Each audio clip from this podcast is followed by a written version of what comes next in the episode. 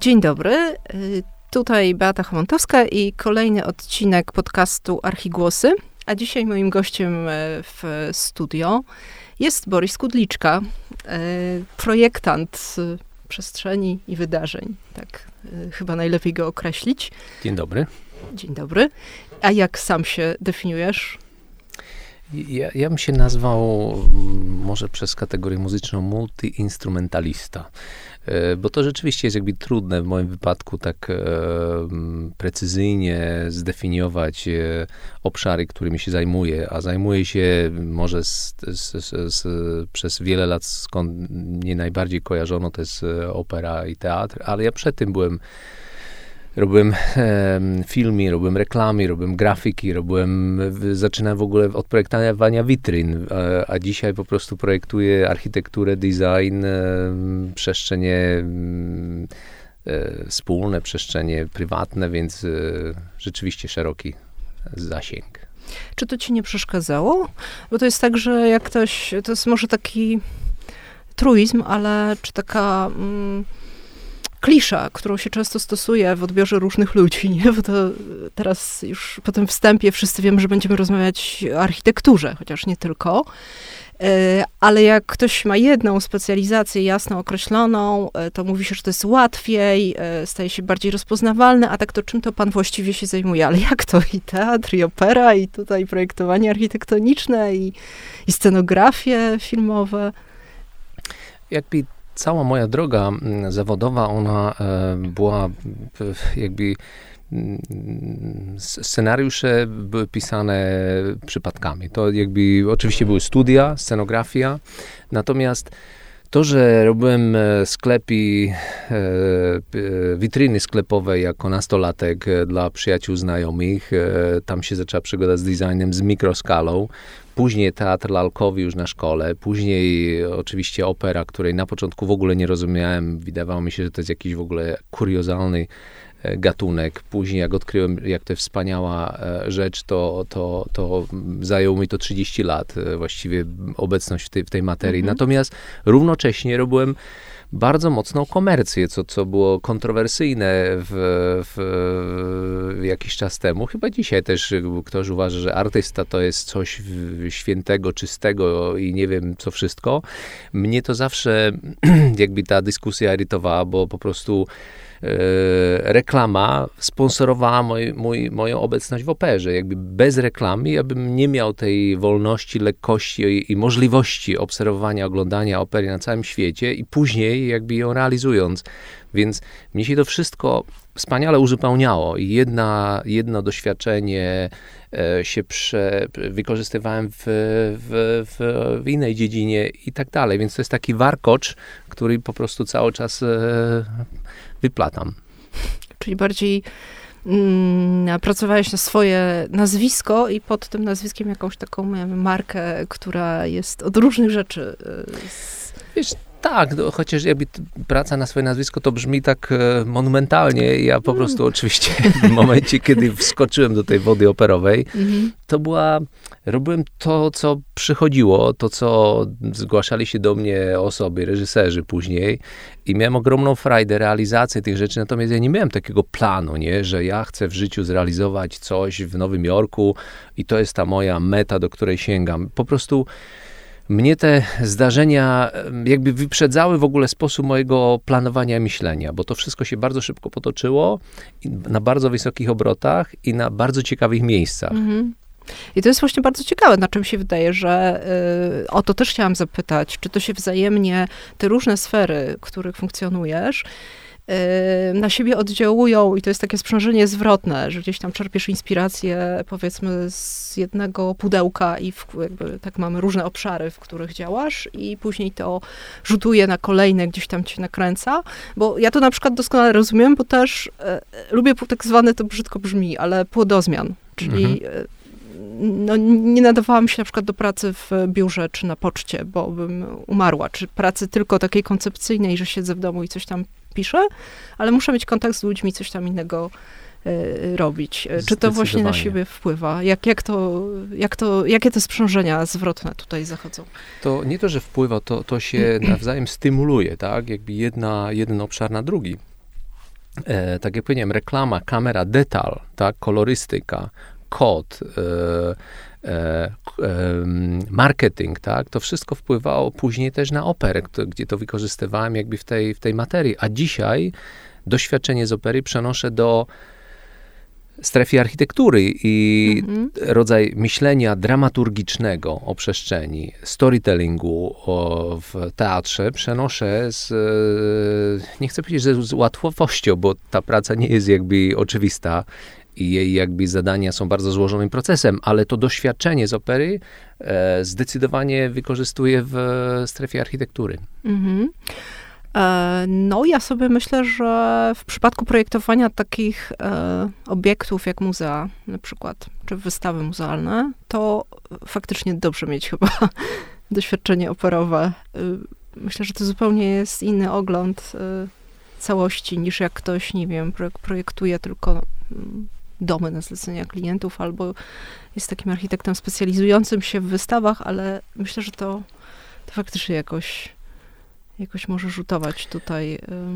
Jak najbardziej to jest e, tak, że mm, praca nad konkretnym tematem, wystawą tematyczną, czy, czy wystawą Muzeum Historii Polski, mm. którą mhm. realizujemy w tej chwili, to jest wszystko ogromny proces, który zaczyna się od analizy, tak? Zaczyna się od e, rozmowy z kuratorami, z historykami i dopiero nasysając jakby tą całą wiedzę, informacje, zaczynamy w głowach jako projektanci tworzyć pewne skróty, metafory mhm. wizualne, plastyczne, które stają się jakby załążkiem czegoś, co jest jakby konstrukcją plastyczną opowieści całej wystawy. Więc ten rodzaj takiego przygotowania, który jest w teatrze w kontekście przeczytania scenariusza, e, tekstu, e, na, na, podstawie którego było napisane libretto, to wszystko potrzeba do tego, żeby się łatwiej poruszać jakby później w, po, pomiędzy płaszczyzną tekstu muzyki, a w architekturze czy w muzeum to jest pomiędzy warstwą kuratorską i wizualną. To bardzo jakby ułatwia e, takie świadome projektowanie i, y, i projektowanie, które mm, polega na tym, że angażujemy widza, bo to jest i w muzeum, i w teatrze, mhm. i w architekturze e, świadome, świadomie lub podświadomie ten widz, czy klient, czy mieszkaniec jest jakby w tą przestrzeń zaangażowany. Mhm. Tak, tak. No i to, to jest też praca zespołowa, nie? To chyba w każdym tym e, przypadku. Też e, miałam takie doświadczenie przy wystawie czasowej w Polinie, gdzie też mhm. z projektantami właśnie pisaliśmy scenariusz, a projektanci musieli to przełożyć na język wizualny. bardzo, bardzo wiele spotkań e, trzeba tak. odbyć tak. i...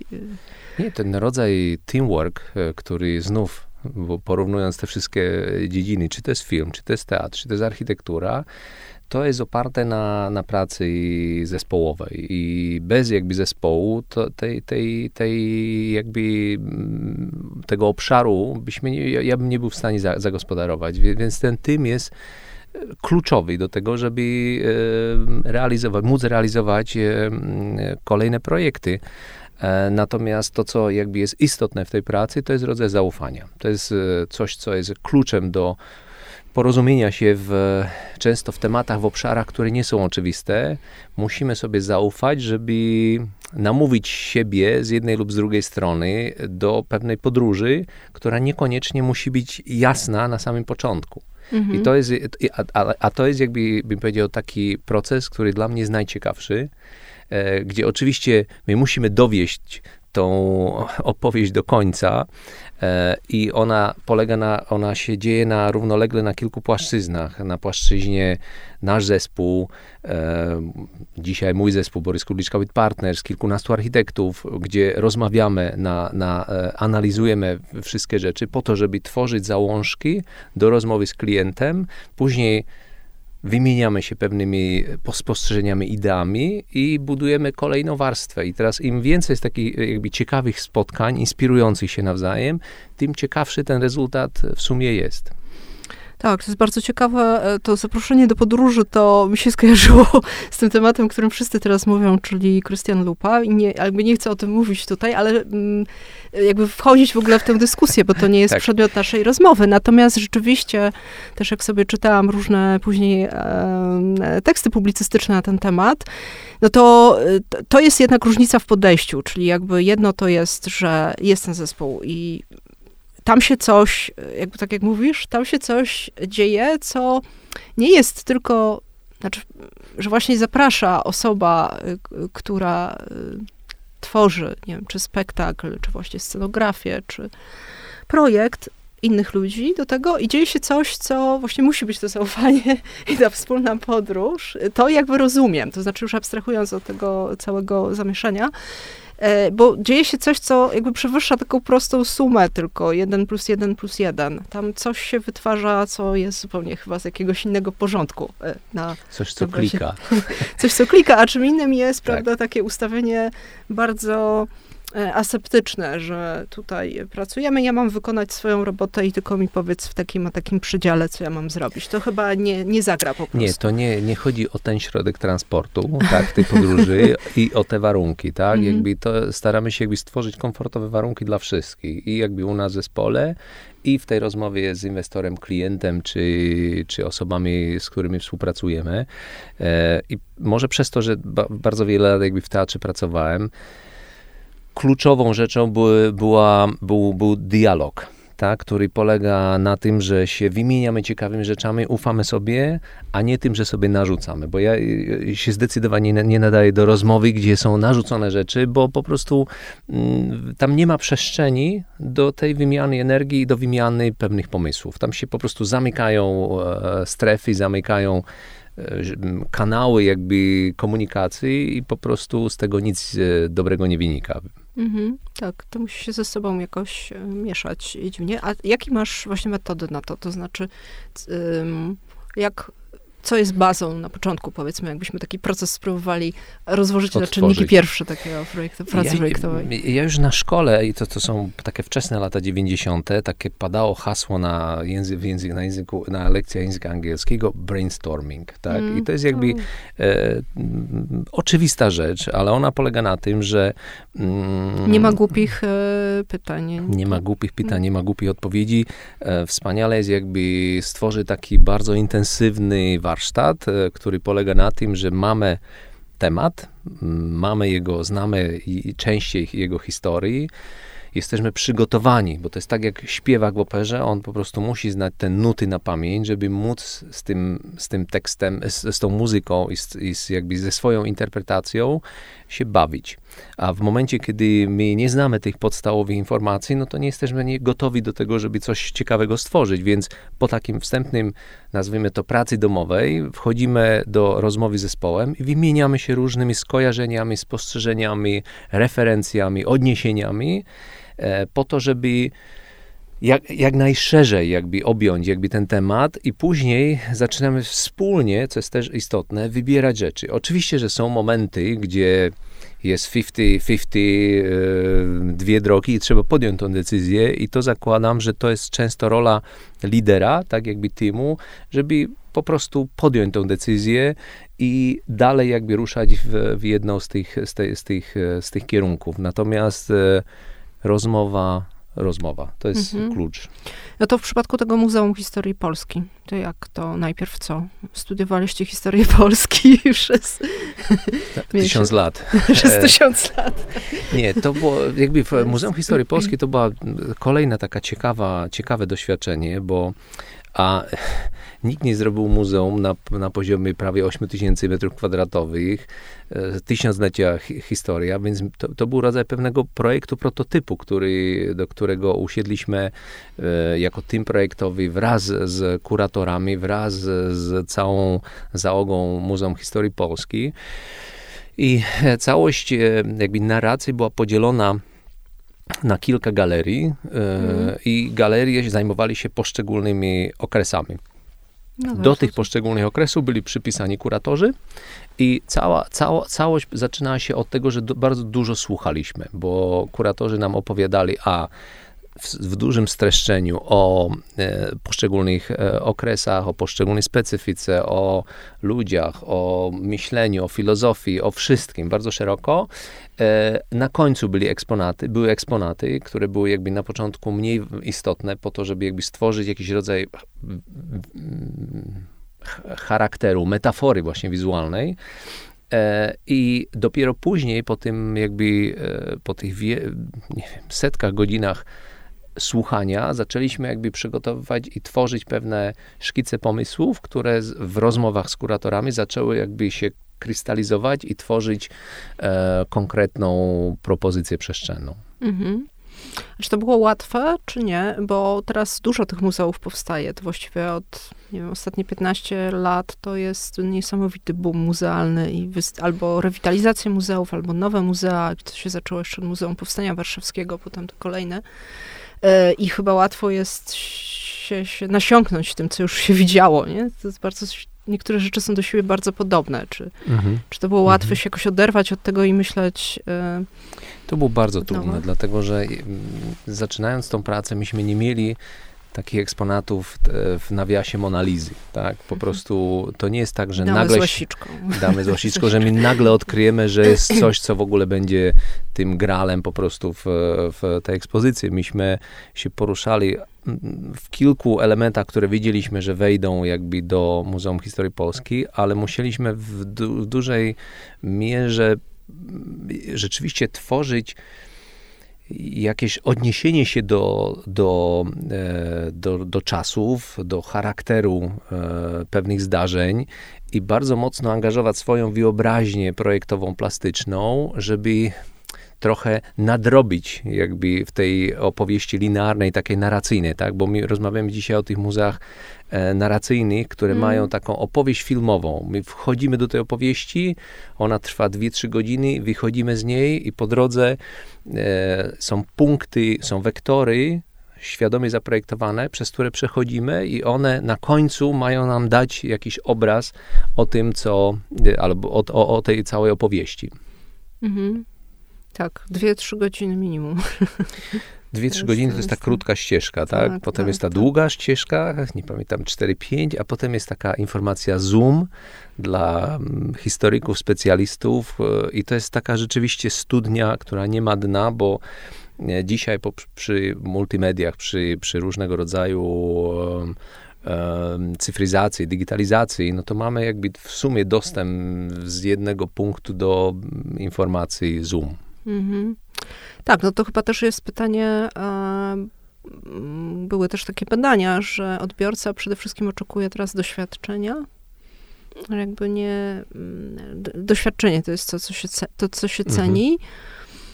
E, I drugie pytanie, które też wszyscy chyba sobie zadają, na ile ta multimedialność e, będzie aktualna za lat 5, 10, tak dalej, czy to jest taki kierunek? Nie wiem, być może stąd jest też to, mm, to się powiela też w tych muzeach, że przedmioty, to znaczy, że to jest jakaś taka opowieść przez rzeczy, że rzeczy są tymi świadkami. Mhm, czy, czy to mm, gdzieś tam pracowało też?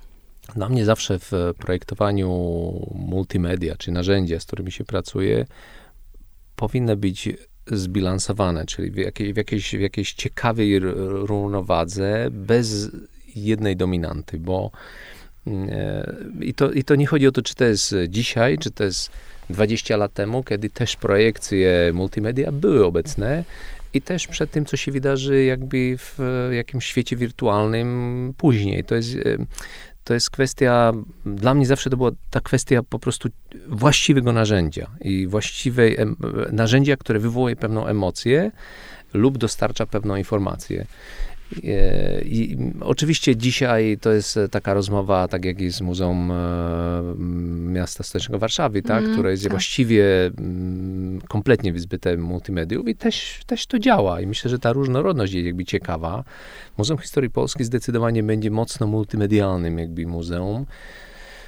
E, a jaka będzie przyszłość, e, to jest trudno powiedzieć, ale to samo jest znów w teatrze, to samo jest jakby też w architekturze, tak, że, że ten rodzaj, ja zawsze uważam, że technologia powinna być schowana, ona powinna być niewidoczna. I my ją nie powinniśmy rozróżniać, że to jest ekran, to jest obiekt, to jest e, światło, ono wszystko powinno tworzyć jakiś rodzaj organiczności między mhm. sobą i wtedy, wtedy to działa. My się, to jest jak w gotowaniu, no my się wspomagamy pewnymi ingre, ingrediencjami do tego, żeby, żeby stworzyć coś y, wspaniałego, wyrazistego. Mhm. No ciekawa jestem bardzo, jak jak to będzie wyglądało.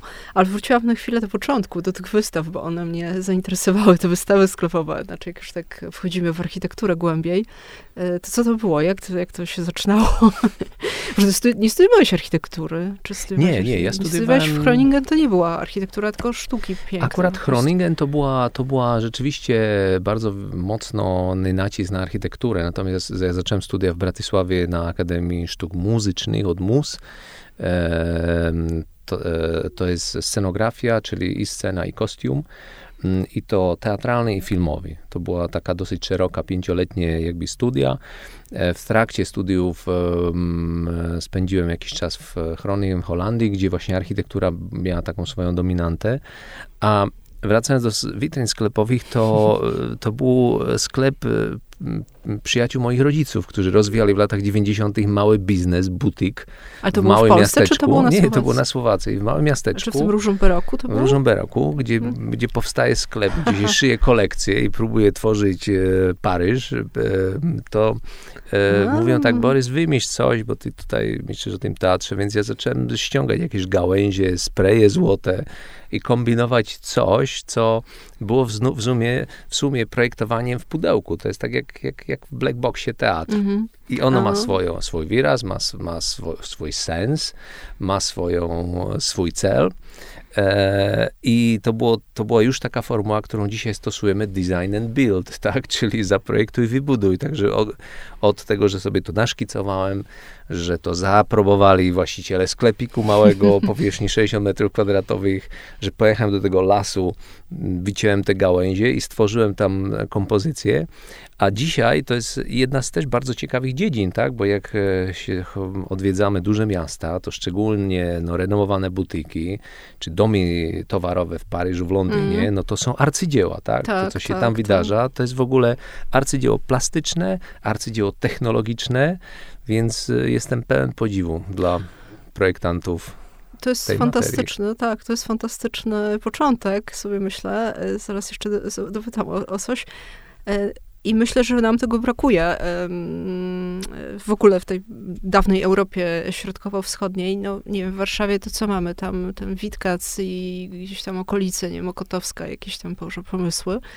Nie ma, a przecież nawet w międzywojniu e, architekci, którzy projektowali grube, duże rzeczy na zamówienia publiczne, czy na takich ekskluzywnych klientów, też projektowali i to było też takich właśnie nie wiem, showcase, po prostu jakaś taka tak. E, wizytówka, też witryny sklepowe, meble, wyposażenie, nie wiem, statków, e, jakieś karoserie samochodów, tak, tak, takie tak, drobne tak. niby rzeczy, ale bardzo ważne też do tego, jak odbiera się miasto.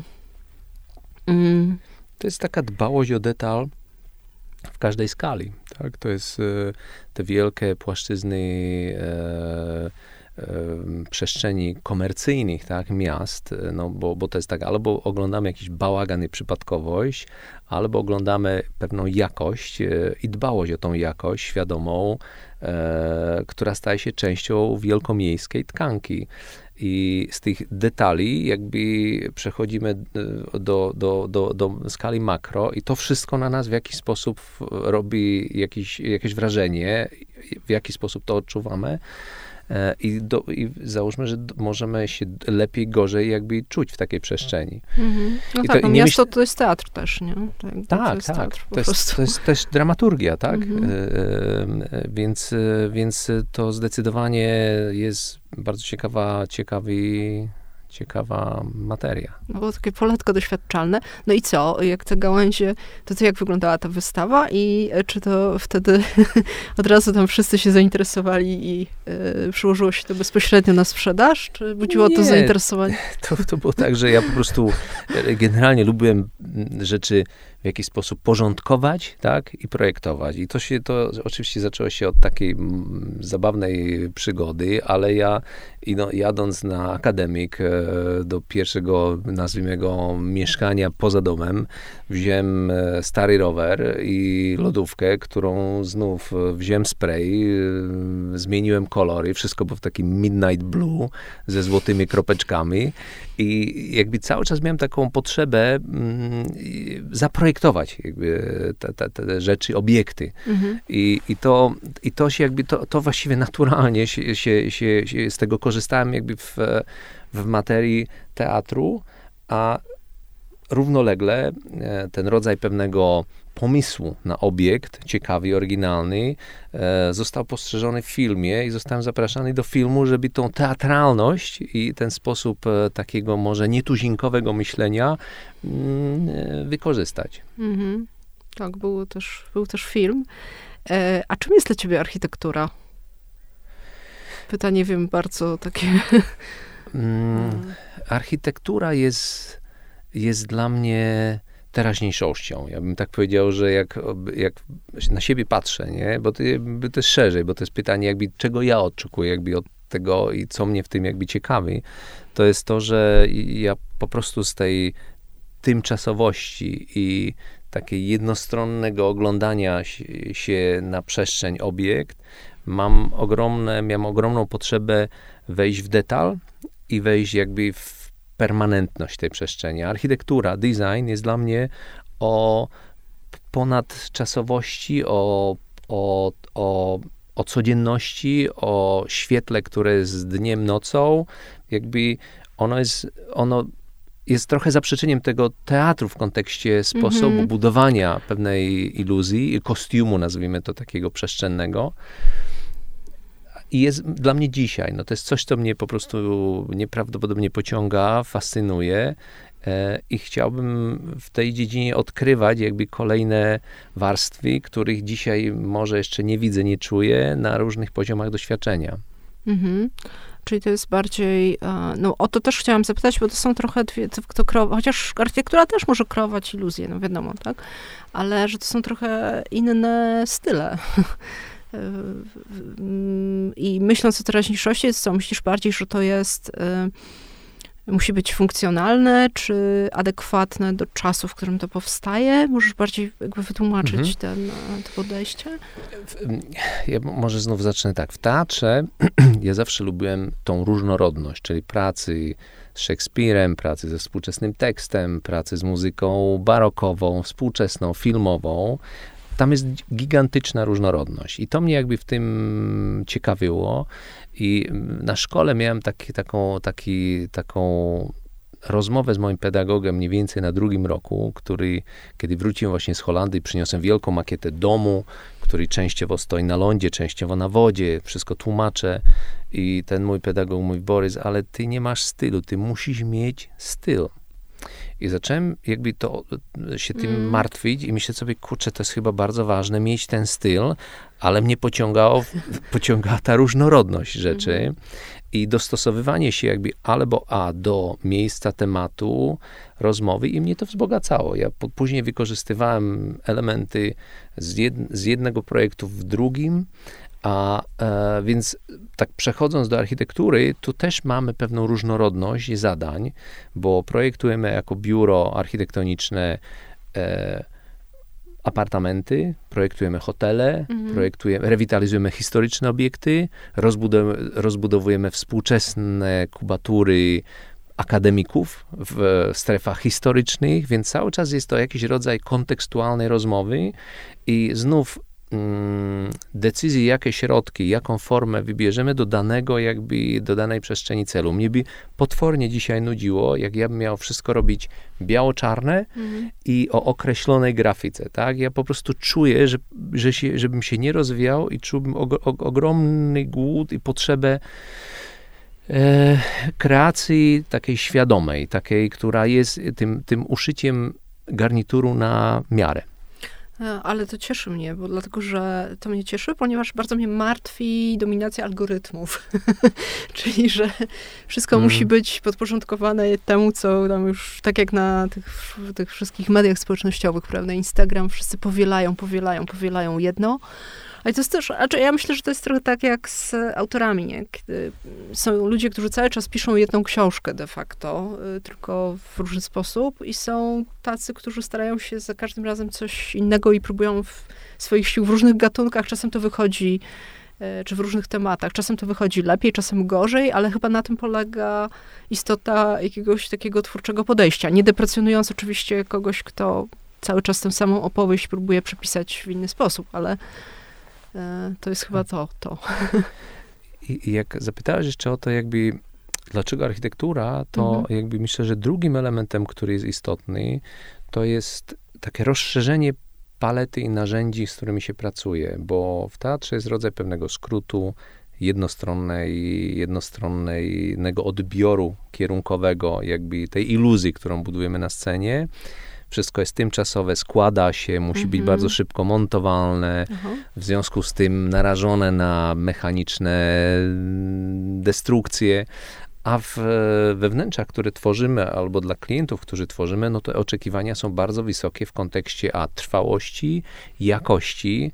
To, że ten stolarz, z którym pracujemy, a mamy to szczęście, że naprawdę pracujemy dzisiaj z najwybitniejszymi specjalistami w dziedzinie czy to są stolarze, czy prace kamieniarskie, czy prace artystyczne, cały czas pracujemy z jakimś prototypem, my tworzymy te tekstury, tekstury wynajdujemy sposób, jak potraktować drewno, jego włos, jak go zabezpieczyć, jak wprowadzić dwa, trzy kolory do tego drewna, żeby idealnie dostosować materiał do e, kompozycji kolorystycznej, która tworzy daną przestrzeń. I tej takiej sublimacji nie ma w teatrze. Tam mhm. to jest mhm. znacznie bardziej skrótowe. Mhm. No tak, no to nie musi być trwałe, to się faktycznie później rozbiera i tworzy nowe. Nowe, nowe i śmietnik, tak? Mhm. To jest mhm. śmietnik, gdzie ląduje cała ta kreacja, co jest też w sumie przykre na dłuższą metę, bo cała ta, nie wiem, rzeźba przestrzenna, mhm. czy jak, mhm. jakaś cała idea, która powstaje, ona po prostu ze względu na koszta magazynowania przechodzi do historii. Mm. No nawet nie wiedziałam, co się, co się nigdy, co się dzieje później z tym. To jest e, gdzieś utylizowane po prostu? No, dzisiaj utylizowane, kiedyś po prostu wyrzucane na śmietnik. E, dzisiaj oczywiście w teatrze jest prowadzona taka dyskusja o moduł, modułowości, o jakimś systemie, tak, który, z którego można budować podstawowe konstrukcje i, i ubierać je w warstwę wizualną. E, czego nie ma w, we wnętrzach, które są pieczołowicie. E, ja, ja mówię, że my dzisiaj projektujemy milimetry kwadratowe przestrzeni. Tak? Te mhm. projekty, które y, się u nas znajdują na deskach, są projektami, które wymagają ten, jakby to powiedzieć, najwyższy poziom dbałości o detal, o wykończenie i, o, i on, one nie puszczają nas. Po prostu to jest tak, że my, my stajemy się trochę, nie powiedzieć zakładnikami, ale y, to jest ten najwyższe oczekiwania, najwyższe rzemiosło i do tego jakby trzeba dostosować też tą najwyższą jakby jakość e, projektową. A to jest, e, mówimy teraz o tych projektach e, domów, tak? Czy to jest to, jest to co teraz macie na Tak, to są, to, są, to są wnętrza prywatnych domów, apartamentów czy rezydencji, które są robione dla, dla, w konkretnych miejscach. Czasami to jest Polska, czasami to jest Hiszpania, czy Malta, czy Szwajcaria, w różnych jakby miejscach, z różnym historycznym kontekstem, e, które, które, no, które trzeba zawsze znów zbudować tą narrację, storytelling i przygotować jakby ciekawy, ciekawy koncept wizualny, e, co znów nas trochę jakby wiąże z tym teatrem, o którym rozmawialiśmy wcześniej. Ale ale są to też, są to też e, przestrzenie komercyjne, bo jeżeli weźmiemy hotel europejski, tak, hotel który europejski. też mhm. ma w sobie, e, był założony na tym, że pokazujemy bardzo wysoką jakość polskiego rzemiosła dzisiaj, e, wykonawstwa, możliwości i to był w ogóle klucz ideowy do tego, e, od którego zaczęliśmy jakby projektować wnętrza hotelu detalu europejskiego, który jest z definicji sieci Raffles no, mm. dla bardzo wymagających inwestorów, czyli wymaga od nas najwyższego stanu gotowości projektowego i myślenia o detalu. Mhm. Ale właśnie e, wolisz tego typu realizacje w już miejscach takich, powiedzmy, z historii, nie tylko miejscach, ale też obiektach już e, stojących realnie, które mają swoją historię, jakąś przeszłość i dopiero je adaptujesz, czy od zera? Ja bardzo lubię ograniczenia. Ja bardzo jakby lubię takie rzeczy, które powodują, że to Czyli ma... witryna sklepowa po prostu, pudełko pudełko, tak, ale to jest na przykład tak, to jest, nie wiem, e, to jest często jest konserwator, jest, mhm. nie wiem, są uwarunkowania okay. przestrzenne, są uwarunkowania konstrukcyjne, są jakieś e, wymagania mm, e, mm, lokalizacyjne.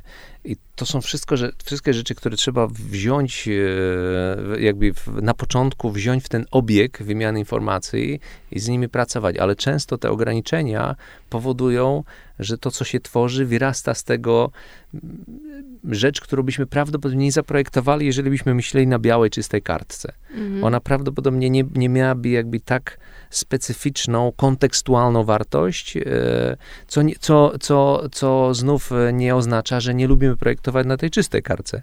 Ale są to dwa podejścia, oba bardzo ciekawe. Mhm. No tak, i tu też rozumiem, że się nie chcesz zamykać. Że nie, nie chcę, nie, bo jakbym, jakby też powiedział, że aha, pracowanie Borys Kuliczka Partners polega na tym, że wszystko jest bardzo kolorowe, bardzo intensywne, nie chciałbym tego, a nie mhm. chciałbym równocześnie powiedzieć, że to są minimaliści, wszystko jest monochromatyczne i białe. Oba te światy mogą być ciekawe, jeżeli są kontekstualnie uzasadnione, jeżeli potrafimy je obronić, bo to też część tego, tej opowieści jest, jest narracja i jest zwięzła, logiczna opowieść. Jeżeli ją potrafimy zdefiniować, oznacza to, że ten projekt ma swoją konstrukcję DNA i jest jakąś znów indywidualną, organiczną, oryginalną e, propozycją. Czyli wszystko się może zdarzyć jednym samym. No. Wszystko się może zdarzyć, tak jest. A to jest tak, że klienci przychodzą do was, czy sobie wybierasz na przykład... E, że chciałbym z tym i tak, z tym robić. Tak, na przykład nie, chciałbym no. tej osobie Raczej to jest tak, że klienci coś, przychodzą. Ten obiekt. Klienci przychodzą. Że tak. na przykład widzisz jakiś budynek, nie wiem, jest jakiś budynek, powiedzmy, i Myślisz, Hello. że kiedyś e, chciałbyś nie, tak to, to, w kontekście europejskiego, myślę bardziej tutaj już. Nie, tak to zwykle nie, nie działa. Jakby mhm. to jest tak, że mm, raczej e, się do nas zgłaszają mm, klienci, inwestorzy, którzy już widzą, co stworzyliśmy i nawiązują a, albo na to, co widzieli, albo po prostu otwierają tą dyskusję, co nie oznacza, że zawsze się dogadujemy, tak, bo to też chcę powiedzieć, że ta praca mm, w teamie i praca z inwestorem jest obarczona pewnym ryzykiem nieporozumienia. Mm. I e, ostatnie moje takie wnioski są takie, że im szybciej to zdiagnozujemy, tym lepiej dla inwestora projektu, dla nas, bo nie wchodzi się jakby w taką tą mdłą czasochłonną i bardzo kosztowną jakby podróż, e, która nie ma jakby końca. I paradoks, to jest ten paradoks utopionych e, kosztów i korzyści, że już później, już wiadomo, że to nie działa, ale tak, tyle tak. się w to zainwestowało, że... A jest krytyczny punkt, który jak się nie wyłapie, mhm. no to jest bardzo bolesny jakby dla wszystkich stron. Także... A co to jest tym krytycznym punktem w takiej dyskusji? No, e, krytycznym, kiedy jakby ja już wiem, że e, ta rozmowa nie będzie konstruktywna, że albo będzie narzucona narracja nam, którą nie rozumiemy, nie czujemy i wydaje nam się obca, albo klient traci cierpliwość i nie rozumie tego procesu, jakim trzeba przejść i jak on jest, nie wiem, wymagający. Są różne powody i jeśli je ja, ja, jestem bardzo wrażliwy na ten punkt i e, wolę, ja to nazywam taki kontrolowany exit e, z tych projektów i powiedzieć sobie, że mhm. ta to, to, trzeba jakby umieć sobie powiedzieć, bo nie wszystko się kończy e, tym, że, że potrafimy się napić wina w pięknie zrealizowanej realizacji, tak? To są, to są też realizacje, które nie kończymy, no po prostu ze względu mhm. na to, że to porozumienie jest jakby na minusowym poziomie. No to jest dobry temat w ogóle, bardzo ciekawe też e, takie, nie wiem, muzeum odrzuconych pomysłów. Takie, taka, taka właśnie też gdzieś charakteryzatornia, czy tam scenografia na tyłach, gdzie tam walają się jakieś prototypy i to nigdy nie... Nie, bo ja, ja też jakby uważam, że nie, nie, nic na siłę, mhm. naprawdę nic na siłę. I nawet jeżeli to wszystko jest owarunkowane biznesowymi konkretnymi parametrami, biurami prawników. No, robimy naprawdę skomplikowane rzeczy i złożone z ogromną odpowiedzialnością, to mm, nie chciałbym, żeby a klient, ani my byliśmy zakładnikami jakby tego, e, tego porozumienia wstępnego, jeżeli widzimy, że ono po prostu nie rokuje na to, że, że się zakończy sukcesem. E, to jest może takie pole minowe, ale z kim się łatwiej pracuje? Z jakim typem klienta? Czy z instytucjonalnym, czy z prywatnym? I czy z prywatnym takim typu właśnie sieć hotelarska, czy na przykład w ogóle mm, bogaty człowiek, który chciałby sobie coś miłego do mieszkania stworzyć? Mm, mi chyba sobie przypomnę, ale my głównie pracujemy z osobami prywatnymi, tak? Albo z firmami, które z, działają komercyjnie na rynku. Bardzo mało pracujemy, albo nie, sobie nie przypominam, żebyśmy no, pracowali muzeum dla... to jest jednak Przepraszam, projekt. muzeum, tak, mhm. to, to, to, to, to prawda. Bogate jest... macie portfolio, wszyscy, właściwie wszyscy, wszyscy tam są. E, nie, ka każdy ma swoje specyfiki, mhm. natomiast e, najlepiej się pracuje z, e, chcę powiedzieć, w jednej osobie z projektantem, inwestorem, i deweloperem. I mamy też takie mhm. projekty, które zaczynamy trochę jakby w tej całej, jakby w tym takim trio po prostu prowadzić, gdzie właściwie kontrolujemy, e, sami przed sobą odpowiadamy za projekt, mhm. sami przed sobą za koszta, za realizację, za jakość, e, którą później na rynku komercyjnym sprzedajemy. To jest w ogóle taka optymalna sytuacja, to się nazywa mhm. ta formuła design and build, czyli znalezienie ciekawego tematu i zrealizowanie go na miejscu. Oczywiście to nie, nie, nie, nie jest możliwe na, na bym powiedział, w pełnej skali. Mamy bardzo ciekawych jakby też klientów, którzy są e, albo fundacje, które po prostu realizują czy to reali, rewitalizację obiektów historycznych. Pracujemy dla na przykład Fundacji Rodziny Starak w Oborach, która rewitalizuje dzisiaj ogromny kompleks historyczny e, dawnego ośrodka literatów e, mm-hmm. pod Konstancinem w Oborach, tak, który tak. staje się otwartą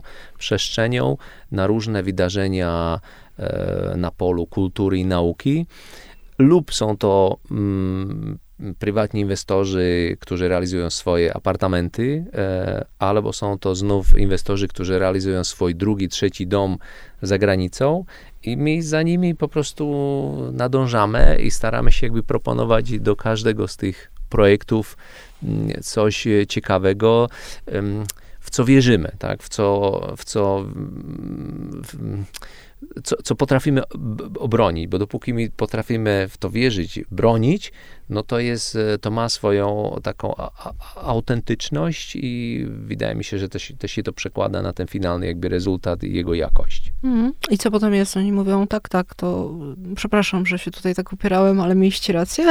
Tak, e, bywa tak, bywa tak, gdzie, gdzie, gdzie, gdzie klient pyta, czy jesteś pewien, nie?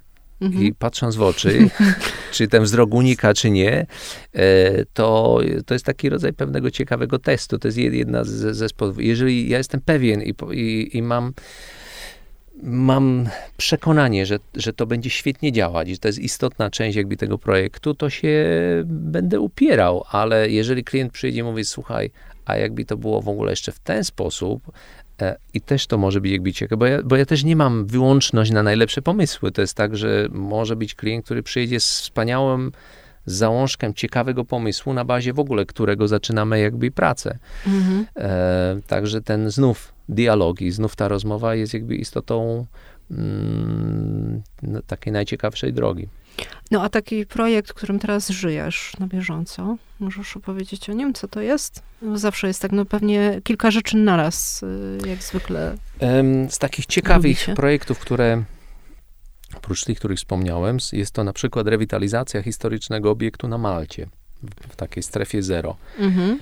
E, obiektu, który Został zbudowany pod koniec XIX wieku, e, który dzisiaj rewitalizujemy. A obiekt to jest co to jest? To jest dom, to jest willa, Dom, mhm. e, która obok e, ma kolejny teren, e, który jest bezpośrednio e, dotyka jakby tej historycznej części, na której będziemy rozbudowywać znów współczesny element infrastruktury. Więc to, są, to jest taka rozmowa pomiędzy historią i nowoczesnym designem, więc wspaniały temat jakby dla projektantów, e, gdzie jest ten, ten dialog pomiędzy przeszłością i jakby naszymi obecnymi jakby czasami.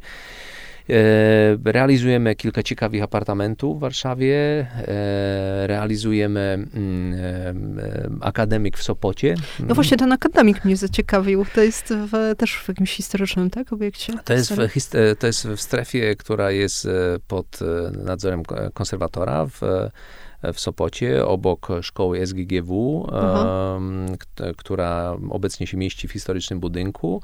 I pomysłem właścicieli było rozbudowanie tego terenu, e, gdzie miejscowy plan na to pozwalał, i zbudowanie akademika, który rozmawia znów z tym historycznym budynkiem, mm. bo one są prawie połączone razem e, zbudowanie takiej całej zielonej aulin w terenie przed budynkiem i stworzenie takiej przestrzeni, która aktywizuje jakby tych młodych ludzi w szkole. I to jest znów pisanie scenariusza przejść, klatek schodowych, miejsc spotkań, e, widokowych i tych emocji, które można budować e, tworząc ciekawy program. Mhm. I znów jesteśmy w teatrze, który jest, polega na ciekawym scenariuszu.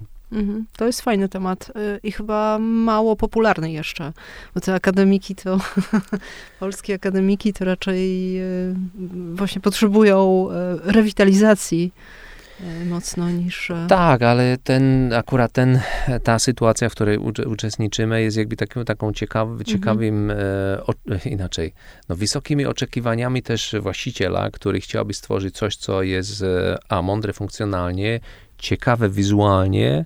Mamy tam też ogromną, otwartą klatkę schodową, która jest miejscem spotkań, rozmów mm-hmm. studentów, czyli nie ma, nie są tam dwie windy czy trzy windy, ale jest tylko jedna, trudno dostępna, po to, żeby aktywizować, jakby zewnętrzne schody e, i po to, żeby wspólne przestrzenie wyrzucić na dach, który staje się miejscem mm. takiego, takiej, takiej rozmowy, a, a cała ściana wzdłuż klatki schodowej staje się wielkim obrazem, który jest współtworzony albo z uniwersytetem, albo z ciekawymi artystami, którzy wchodzą w tą rozmowę z nami i znów tworzą obiekt, który ma, mogę powiedzieć, oryginalny charakter. Mhm. To bardzo frapująco brzmi i e, chętnie to zobaczę, jak będzie można wejść, bo ja nie wiem, czy to będzie taka przestrzeń też ogólnodostępna. Kiedy to w ogóle Czekamy będzie gotowe? na pozwolenie budowlane. Czyli to ile? Półtora roku. Półtora roku. To jest zaraz. Sopot, dobra, super. E, to na koniec e, jeszcze pytanie, czy rozumiem, że teraz bardziej chcesz iść w kierunku architektury niż innych form? Już teraz wchodzisz, czy nadal gdzieś tam będziesz na tych różnych instrumentach sobie? Ja w związku z tym, że, że obecnie mm, no, stworzyłem zespół kilkunastu architektów od w sumie już tam kilku dobrych lat, mhm. E, działamy na kilkunastu projektach. Ten, to zaangażowanie wymaga stuprocentowego poświęcenia i zdecydowałem się, że mm, zeszłotygodniowa premiera Petera Grimesa tutaj w Teatrze Wielkim będzie ostatnią taką moją realizacją w ta, tutaj w Polsce. Mhm prawdopodobnie, ja bym to może, nie, może ostatnia to jest za duże słowo, ale Nigdy nie mów z, z dokładnie, z dług, długa przerwa, która jakby nastąpi mhm. po tym, żeby i żeby nie siedzieć cały czas na tych dwóch torach, które są tak intensywne ze względu też na te obowiązki mm, projektów za granicą, które pr prowadziłem operowo, także w związku z tym mm, w pełni mm, tak, zaangażowanie w architekturę i, i też e, dewelopowanie właśnie nowych takich swoich projektów, za, które są w tą formułą design and build. W to mhm. jakby bardzo, bardzo wierzę. Mhm. Super. No to trzymam kciuki. Powodzenia. Dziękuję na tej, bardzo. Na tej drodze. I dziękuję bardzo za, e, za rozmowę i za przyjęcie zaproszenia. Moim gościem dzisiaj był Boris Kudliczka, no to teraz architekt przede wszystkim, projektant różnych przestrzeni E, multidyscyplinarny, ale przede wszystkim teraz architekt. E, a to był kolejny odcinek Archigłosów. E, ja się nazywam Beata Chmontowska i bardzo dziękuję za uwagę. Dziękuję za zaproszenie.